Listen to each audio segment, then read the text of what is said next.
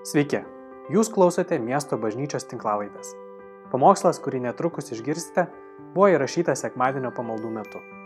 Meldžiame Dievo, kad Jis kalbėtų jums per šį pamokslą. Sveiki. Šiandien pradedam naują pamokslų ciklą, kuris vadinasi pašaukti būti palaiminimu. Bet prieš pradėdamas jį noriu keli žodžius tart visiems, kurie dabar žiūrite ekrane, kurie klausotės, nes e, per šį pusmetį man nekartą teko girdėti, e, klausant ir manęs, ir kiti sako, na, čia bus negyvas pamokslas. E, gyvas pamokslas būtų, kada kalbama gyvai, gyvai auditorijai, o jeigu įrašyta, tai yra negyva.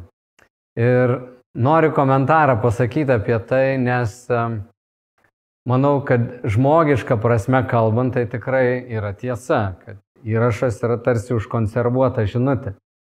Bet kaip tikėjimo namiškiams arba tikėjimo bendruomeniai mums labai svarbu suprasti, kaip Dievas veikia. Nes užrašytas žodis Biblija yra medijos forma. Tai yra žodis, kuris atkeliavo į ankstyvąją bažnyčią ne iš karto. Žmonės girdėjo pamokslus kalbant iš lūpų į lūpas. Bet paskui jis buvo užrašytas. Ir Laiškė kolosiečiams keturiam, ketvirtam skyriui 16 eilutė yra pasakyta Pauliaus užrašyta. Kai jūs gausite šitą laišką, perskaitykite jį ir pasirūpinkite, kad jis būtų perskaitytas Liodikėjos bažnyčioje. O tą, kurį gausite iš Liodikėjos bažnyčią, perskaitykit pas save. Paulius sako, jis parašė laišką, kurį mes vat ir skaitom laišką kolosiečiams, jį nunešė Atsistojo žmogus jį perskaityti, nežinau ar jis buvo įkveptas, pateptas, ar jisai labai charizmatiškas ar ne, bet jis skaitė Paštalo Pauliaus laišką, žmonės klausės tų žodžių ir tas žodis, Dievo žodis, jis yra gyvas, kuris gali perkeisti mūsų mąstymą, mūsų širdis ir šventoji dvasia jį laimina. Dabar, kai mes įrašinėjom ar audio, ar video formatu, Tai žinokit, kai skelbiamas Dievo žodis, jis pats turi galę. Ir tiek, kiek pamokslininkas atneša Dievo žodį ir jo tiesą, šventoji dvasia jį palaimina ir jisai veikia. Todėl noriu pasakyti, kad įrašytas audio, užrašytas knygoje, įrašytas video pamokslas yra gyvas Dievo žodis, tiek, kiek jis atitinka tiesą, šventoji dvasia mus tuo žodžiu ir gydo, ir veda, ir pamoko, ir pabara Todėl raginu ir tave, kai ateini prie Dievo žodžio, labiau nusiteikti, klausyti, ką Dievas tau nori pasakyti, o ne ką Saulis tau gali pasakyti. Ar kitas koks pamokslininkas. Jeigu mes ateisim žmogaus klausytis, tai nežinau, ką gausim. Bet jeigu ateisim Dievo klausytis, tai tikiu, kad šventoji dvasia kalbės. Ir mano patirtis su pasaulinė lyderystės konferencija rodo, kad mes kai sakydom, dabar pasveikinkim tą ir aną žmogų, ir jis kalbėdavo ir po to matydavo arba ašaras, ar kažkokį nušvitimą žmonių akise, visada supratau, kad tai, kas vyksta, vyksta gyvai čia, besiklausant, toj vietoj kažkas įvyksta. Ir kai mes bendruomeniai klausome žodžio, tokiu formatu, šias sėdite Vilniuje ir klausotės kartu, aš tikiu, kad šventoji dvasia yra tarp mūsų ir ir mus pamoko. Tai tiek apie gyvą ir negyvą, kad visos medijos formos yra Dievo naudojamos ir per amžius jos keitėsi, bet šventoji dvasia yra mūsų mokytojas, godėjas, vedlys, tas, kuris apšviečia širdį, kad suprastumėm Dievo žodį. Na, o šis pamokslų ciklas palaiminti arba pašaukti būti palaiminimu yra apie Dievo malonę apie Dievo malonę, kad mes kaip žmonės gavom neužtarnautą Dievo palankumą, Jis išlėjo mums tiek daug dovanų ir tiek daug davė, kad patys mes gavę tas dovanas galėtumėm būti palaiminimu arba dovanų davėjų kitiems. Ir žinoma, mes negalim nieko duoti, ko nesam gavę. Ir problema gali būti tokia, kad mes nežinom, ką esam gavę. Todėl nesidžiaugiam tuo, ką esam gavę ir nenorim nei dalintis, nei suprantam, kaip tai toliau perduoti kitiems. Jeigu kas nors tau duotų bandelę šiandien, tu ją gavai, ir sakytų, ar gali pusę atiduoti, sakai, nu ką tik neturėjau bandelės, dabar turiu, tu perlaužėje ir atidavai. Um, jeigu tu nusipirkai bandelę arba užsidirbai ją ir kas nors tau sako, atiduok bandelę kitam arba pasidalink ją, tau kyla klausimas, o kodėl aš turėčiau dalintis, aš dirbau jas ne.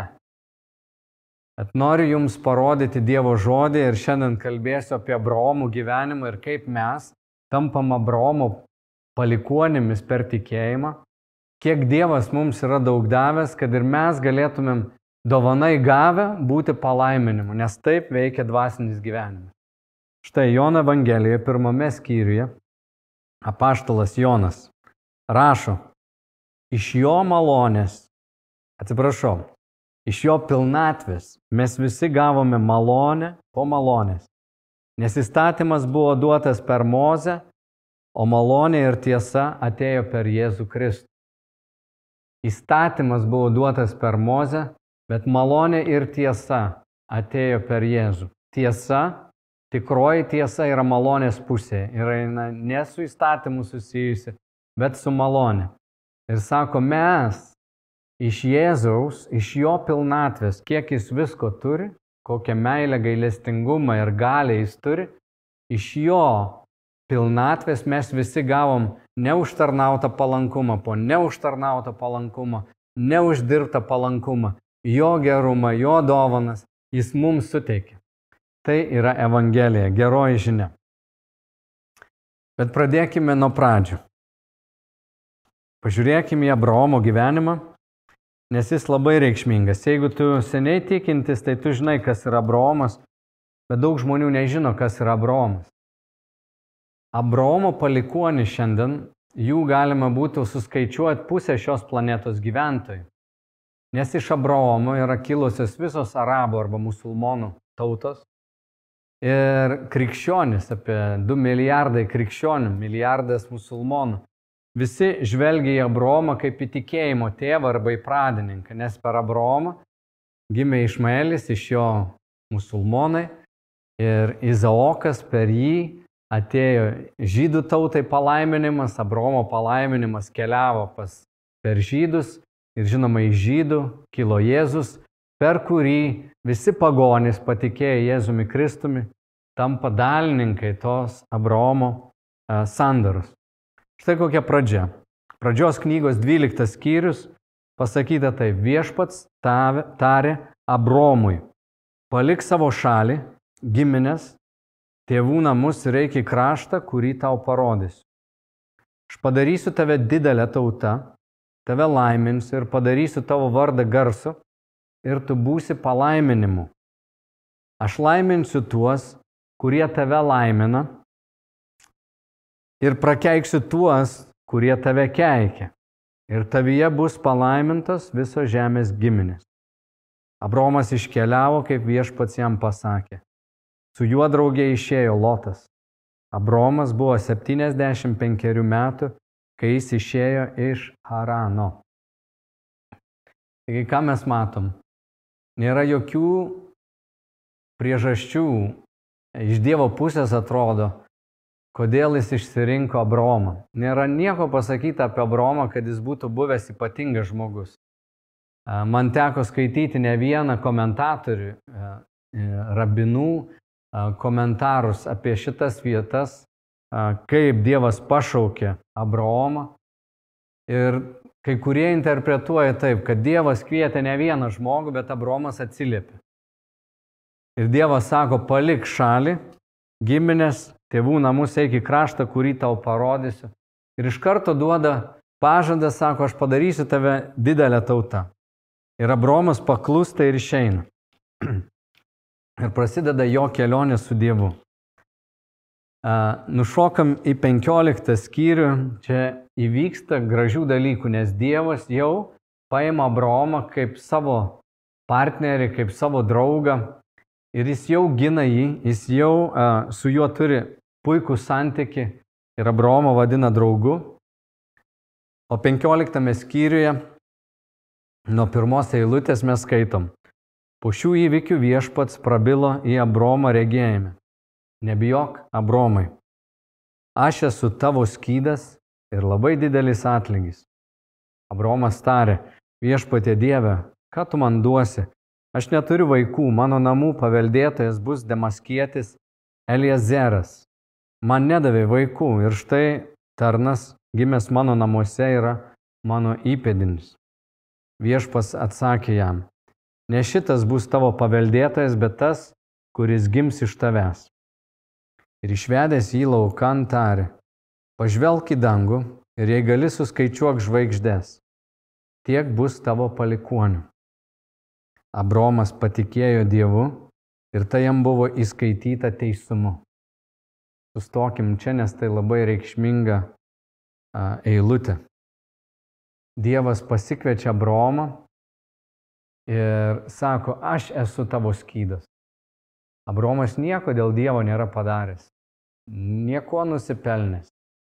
Ir Dievas ateina ir sako, Abromai, aš esu tavo palaiminimas. Ir Abromas išsako savo širdies skundą tokį arba nuogastavimą, sako, na, tu padarėjai mane turtingu, tu laimini mane, bet aš neturiu palikonių.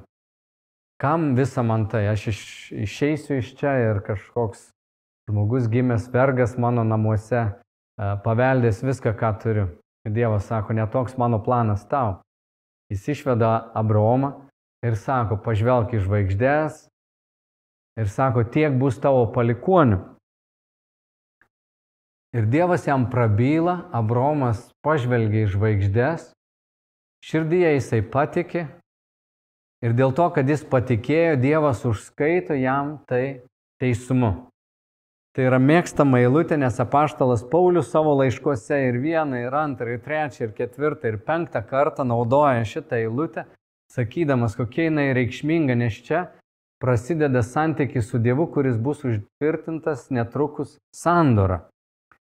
Bet Dievas įskaito Abromui teisumą. Žinai, kas yra teisumas? Įsivaizduok. Tu ir aš, mes gimstam į šį pasaulį ir mes iš karto įeinam į mainų tokią sistemą. Jeigu mes esam geri berniukai ir mergaitės, tai mes gaunam pagirimus. Jeigu mes nesam geri mergaitės ir berniukai, mes gaunam pabarimus. Ir mes išmokstam taip gyventi, kad jeigu darom geram, mums gal sekasi ir mus visi giria.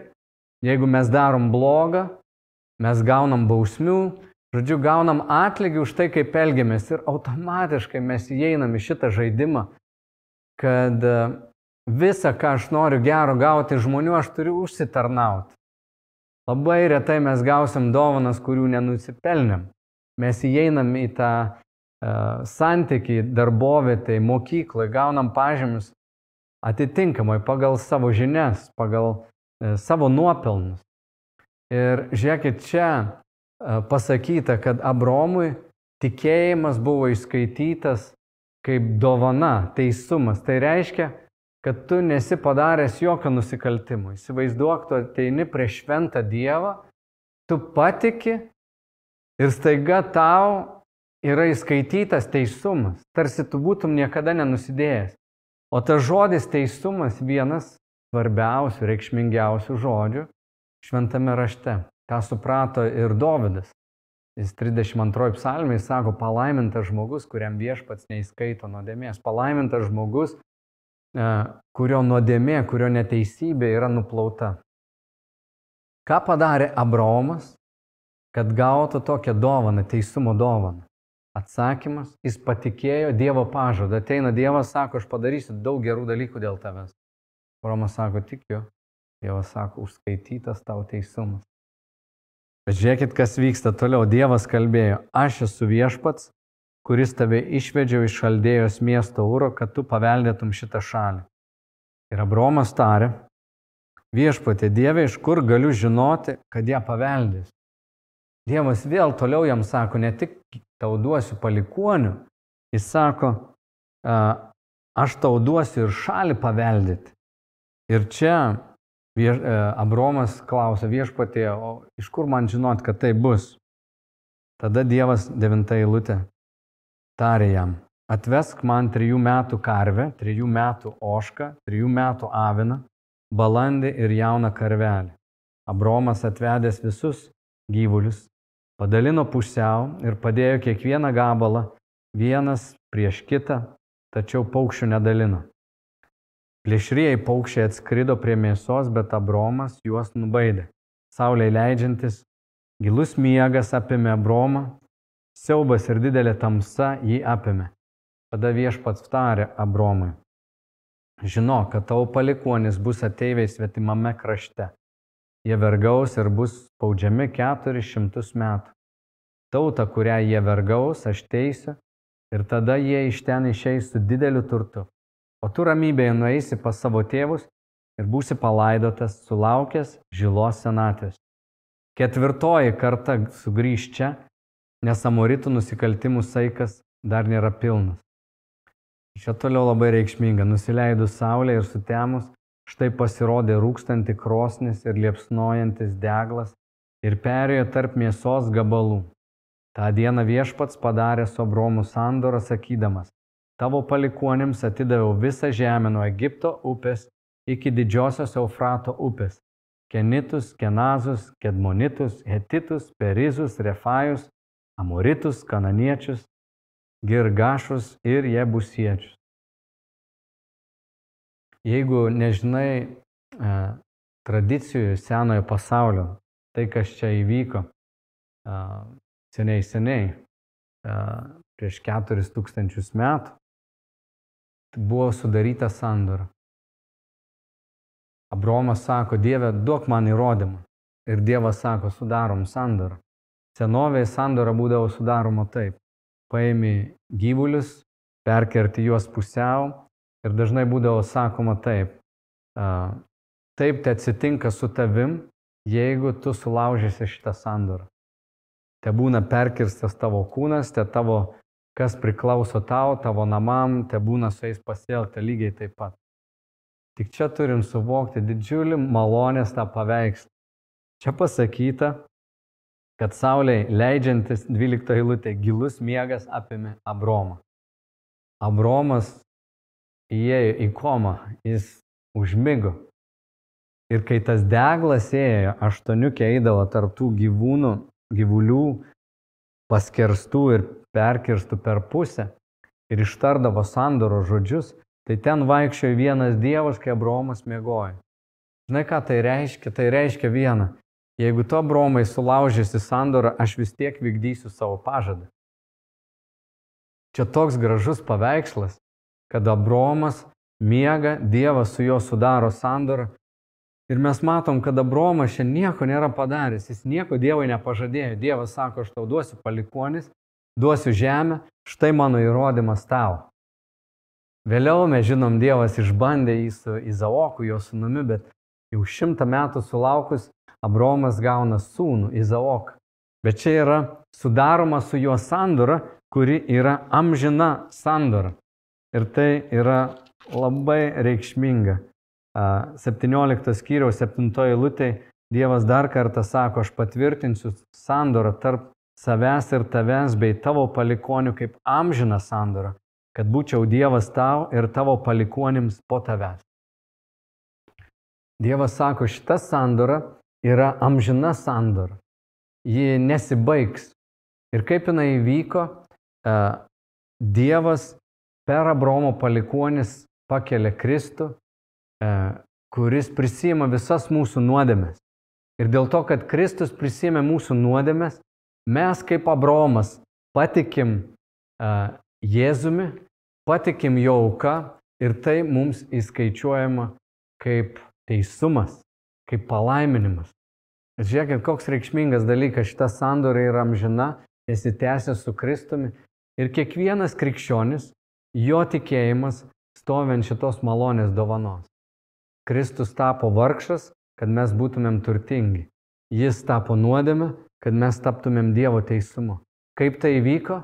Per darbus, per mūsų nuopelnus, per kažkokį mūsų stengimąsi kažką padaryti, jokių būdų. Ne, Laiškas romiečiams, laiškas galatams kalba apie tai, kad tik per tikėjimą. Perskaitykim apie tai laiške uh, galatams. Stiprus labai laiškas, nes kažkas atėjo į bažnyčią ir sako, klausykit, jūs turite apsipjaustyti, jūs turite tapti kaip visi žydai, kai Abromas sudarė tą sandorą su Dievu, arba tiksliau Dievas sudarė sandorą su Abromu, Dievas davė jam ir paliepimą, sako, dabar apsipjausti. Tai buvo vyriškų lytinių organų apipjaustimas kaip ženklas, kad jie yra toj sandoro. Šiandien mūsų sandoro ženklas yra krikštas vyrams ir moteriams, bet jis ateina po to ir apaštalas Paulius sako, ne krikštų žmogus išgelbėtas arba neapipjaustimų žmogus buvo išteisintas, bet vien tikėjimu jis patikėjo ir Dievas įskaito tą teisumą. Taigi trečiame skyriuje a, nuo penktos eilutės paskaitykim.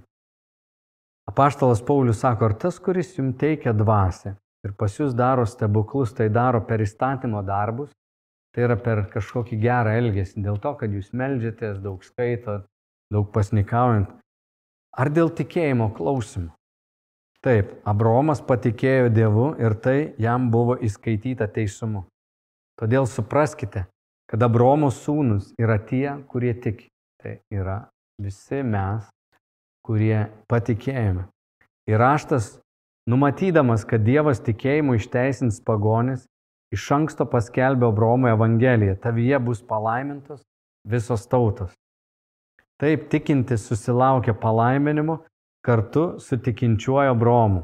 Visi, kurie remiasi įstatymo darbais, yra prakeikimo galioje, nes parašyta, prakeiktas kiekvienas, kuris nuolatos nesilaiko visko, kas įstatymo knygoje parašyta ir to nevykdo. Kad įstatymų niekas neišteisinamas Dievo akise, aišku, nes teisusis gyvens tikėjimu. O įstatymas nėra kilęs iš tikėjimo, bet kas juos vykdo, tas gyvens jais. Kristus mus atpirko iš įstatymo prakeikimo, tapdamas už mus prakeikimu, nes parašyta, prakeiktas kiekvienas, kuris kybo ant medžio, kad Abraomo palaiminimas Jėzuje Kristuje atitektų pagonėms ir mes tikėjimu gautume pažadėtąją dvasę. Kad Abraomo palaiminimas atitektų visiems Kristuje Jėzuje. Krikščionis visame pasaulyje žino tai ar nežino, ar jiems kas nors pasakoja apie šitą malonę, kad mes esame išteisinami per tikėjimą, ne per jokius darbus, bet vien tikėjimu, kuris irgi yra Dievo dovana.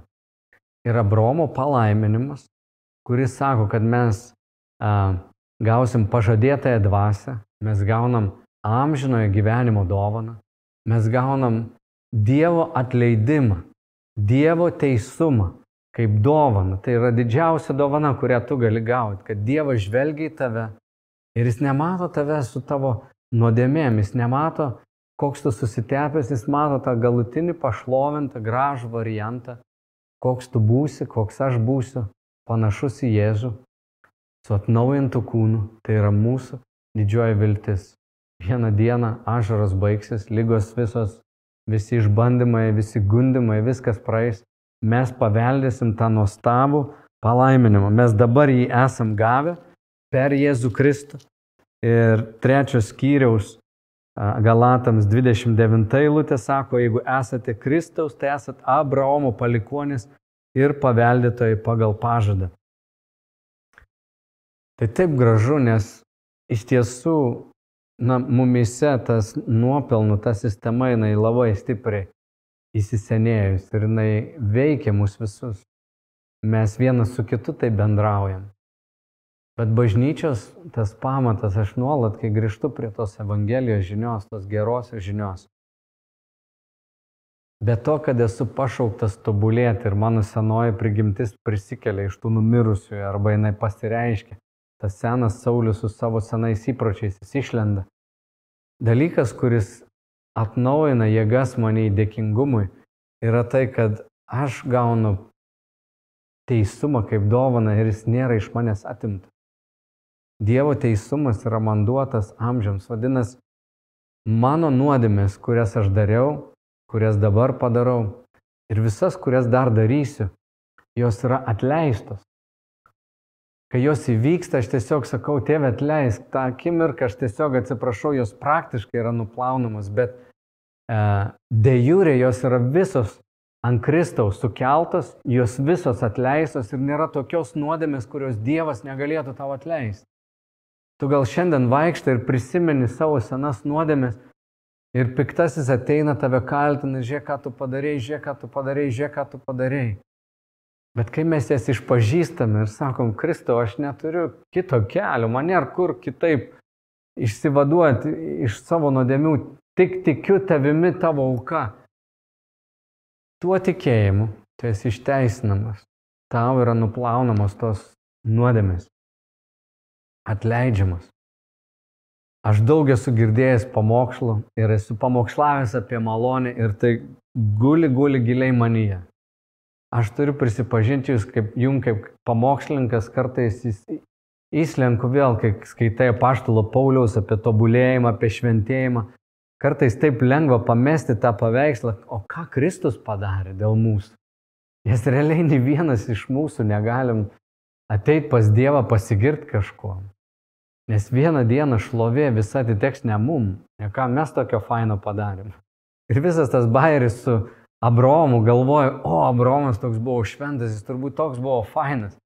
Ne, aš noriu jums paskaityti vieną atvejį dar apie Abraomą pradžios knygos 20 skyriui, kad tu neturėtum iliuzijų. Ir pamatytum, koks gražus tas Dievo sandoros veikimas. Žiūrėkit, 20 skyriui čia antras atvejis, kada Abromas prisimeluoja. Jo žmona Sara buvo be galo graži. Kai Abromas išėjo iš savo krašto, jam buvo 75, Sarai buvo 65. Kai susilaukė vaiko, jam buvo šimtas metų, Sarai buvo 90. Bet jinai turėjo būti be galo graži, nes kai jis atėjo į Egiptą kartą, Abromas, tai Egipto faraonas pamatė, kokia graži pasėmė ją į savo haremą. Ir Dievas baudė faraoną dėl to, kad jis uh, pasėmė kito žmoną. O Abromas melavo ir sako, ji ne mano žmona. Žmonai Sarai sako, klausyk, jeigu Aš pasakysiu, kad tu žmona mane užmušt ir pasims tave, pasakyk, kad sesuo. Ir čia antrą kartą įvyksta vėl toks padalykas. 20 skyrius, pirmą eilutę iš ten Abromas traukė toliau į pietų šalį ir apsigyveno Gerarė tarp Kadešo ir Šūro. Abromas sakė apie savo žmoną Sarą, į mano sesuo. Tada Abimelechas, Geraro karalius, paėmė, paėmė Sarą Bet Dievas sapne pasirodė Abimelechui ir tarė, tu mirsi. Dėl moters, kurią paėmė, nes ji turi vyrą. Abimelechas dar nebuvo jos palietęs. Jis tarė viešpatė, ar žudysi nieko nekaltą tautą? Argi Abromas man nesakė, ji yra mano sesuo? Ir ar ji pati nesakė, jis man yra mano brolis? Nekalta širdimi ir tyromis rankomis tai padariau. Dievas tarė jam sapne, aš žinau, kad tai darė nekalta širdimi, todėl tave sulaikiau, kad man nenusidėtum ir jos nepaliestum. Taigi dabar sugražink vyrui žmoną, nes jis yra pranašas, jis melsis už tave ir tu išliksi gyvas. O jei nesugražinsi, tai žinok, kad tikrai mirsi su visais savaisiais. Žiūrėk, kaip to atrodo, čia sąžininga ar nesažininga. Abromas prisimeluoja ir Dievas baudžia ne Abraomą, bet baudžia Abimelechą ir sako, tu mirsi, tu prisidirbai. Aš galvoju, čia, kas čia, kas čia per, čia nesažininga. Abromą reiktų bausti, sakytum, Abromai, tu nesilaikai sąžiningai sandoros, kaip tu gyveni, kaip, kaip tikintis mano žmogus, mano nusavybė, kaip tu elgiesi, nemeluok, neišsisukinėk dėl baimės. Bet Dievas sako, Abromas yra mano nusavybė, visi, kas jį palies, aš, jos, aš jį ginsiu. Ir čia man toks malonės ženklas, kad Dievas ateina ir perspėja Abimelechą ir sako, aš net tave sulaikiau, kad tu nenusidėtum. Bet Abromas melsis už tave, laimins tave, kad tau nieko neatsitiktų.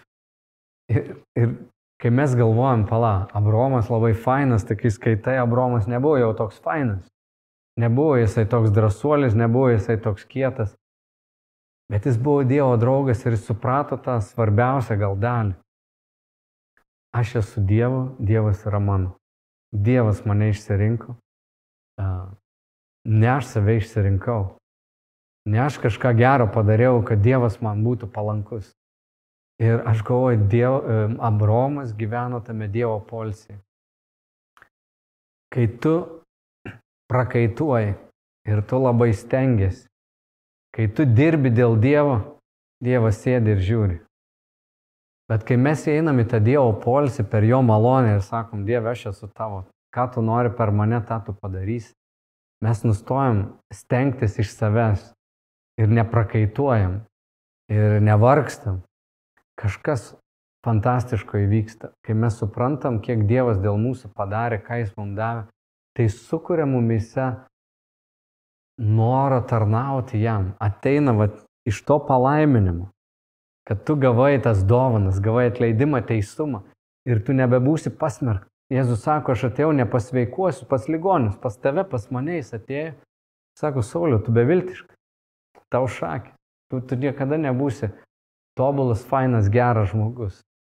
Ir jis sako, bet aš tave išsirinkau, tu mano nusavybė. Ta patys tau sako. Mano dukra, mano sunau, tave aš išsirinkau. Jeigu tu manim tiki, aš tau dovanoju savo teisumą, būk laisvas.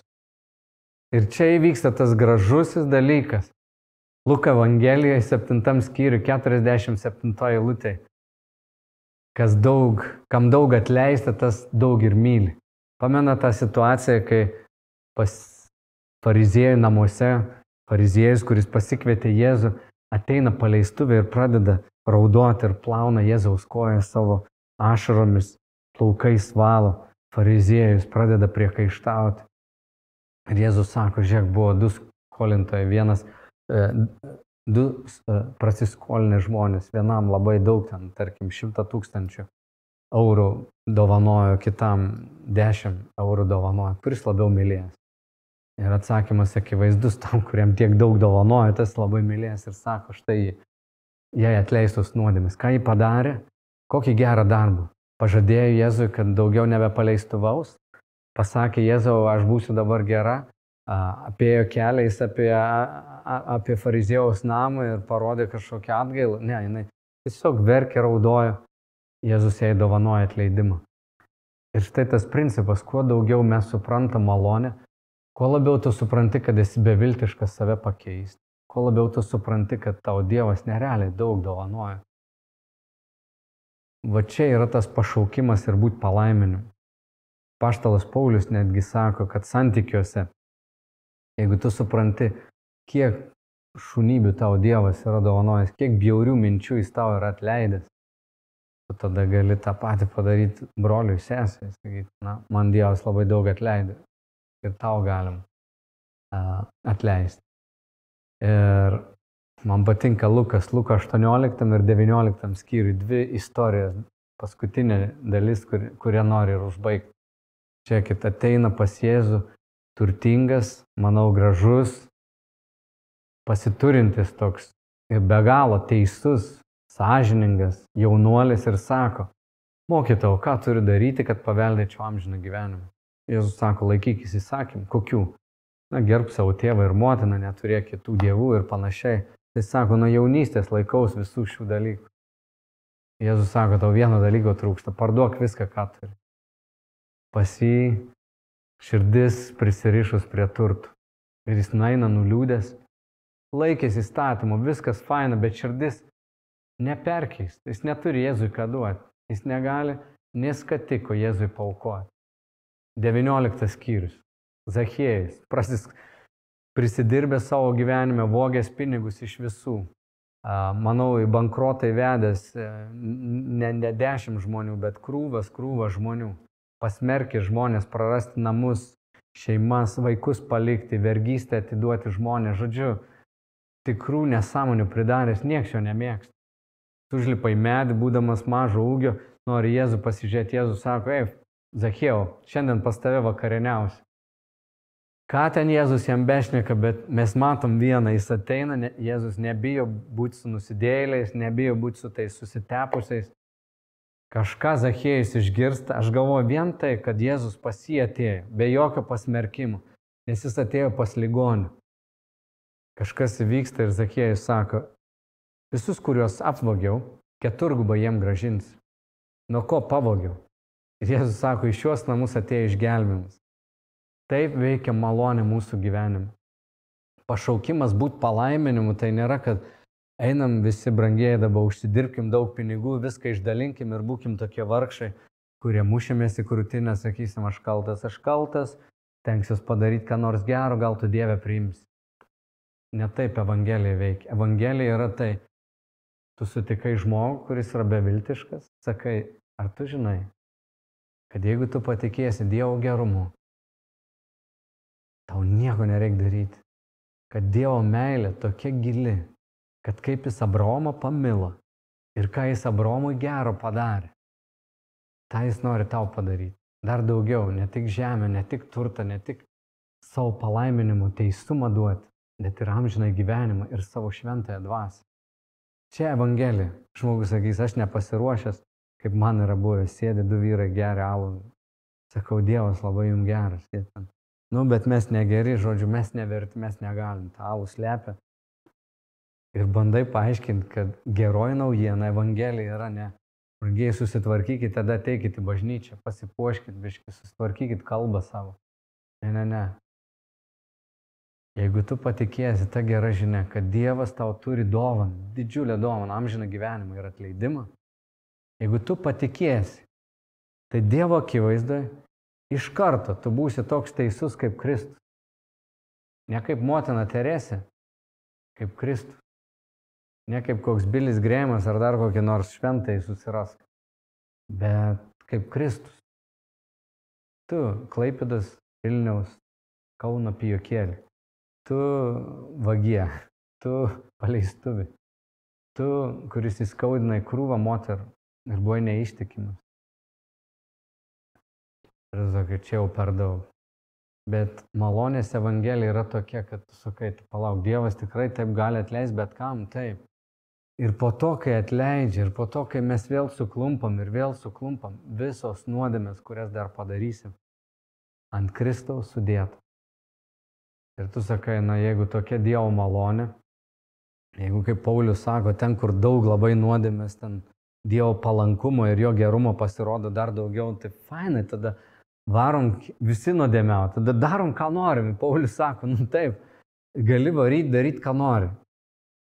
Elkis kaip nori, bet nebūk toks kvailas, nes visa nuodėmė pavergia. Žodžiu, jeigu tu darysi, ką tu darai anksčiau, tu turėsi vargų. Nuodėmė, jinai tiesiog tave įkalins, nu, tu net leis, tu pyks, tu būsi uždaręs save kalėjim. Dievas tau paruošia geresnių dalykų. Ir kai širdis pažįsta malonę, malonė moko mus gyventi dievotai. Tokia yra Evangelija žinia. Ir meldžiu, kad šventoji dvasia mums tą Abraomo gyvenimą parodytų, kad dar iki Mozės malonė jau pasireiškia. Ir Kitose dalyse aš noriu jums kalbėti iš Senojo ir Naujojo testamento, kad malonė mumise įsėstų.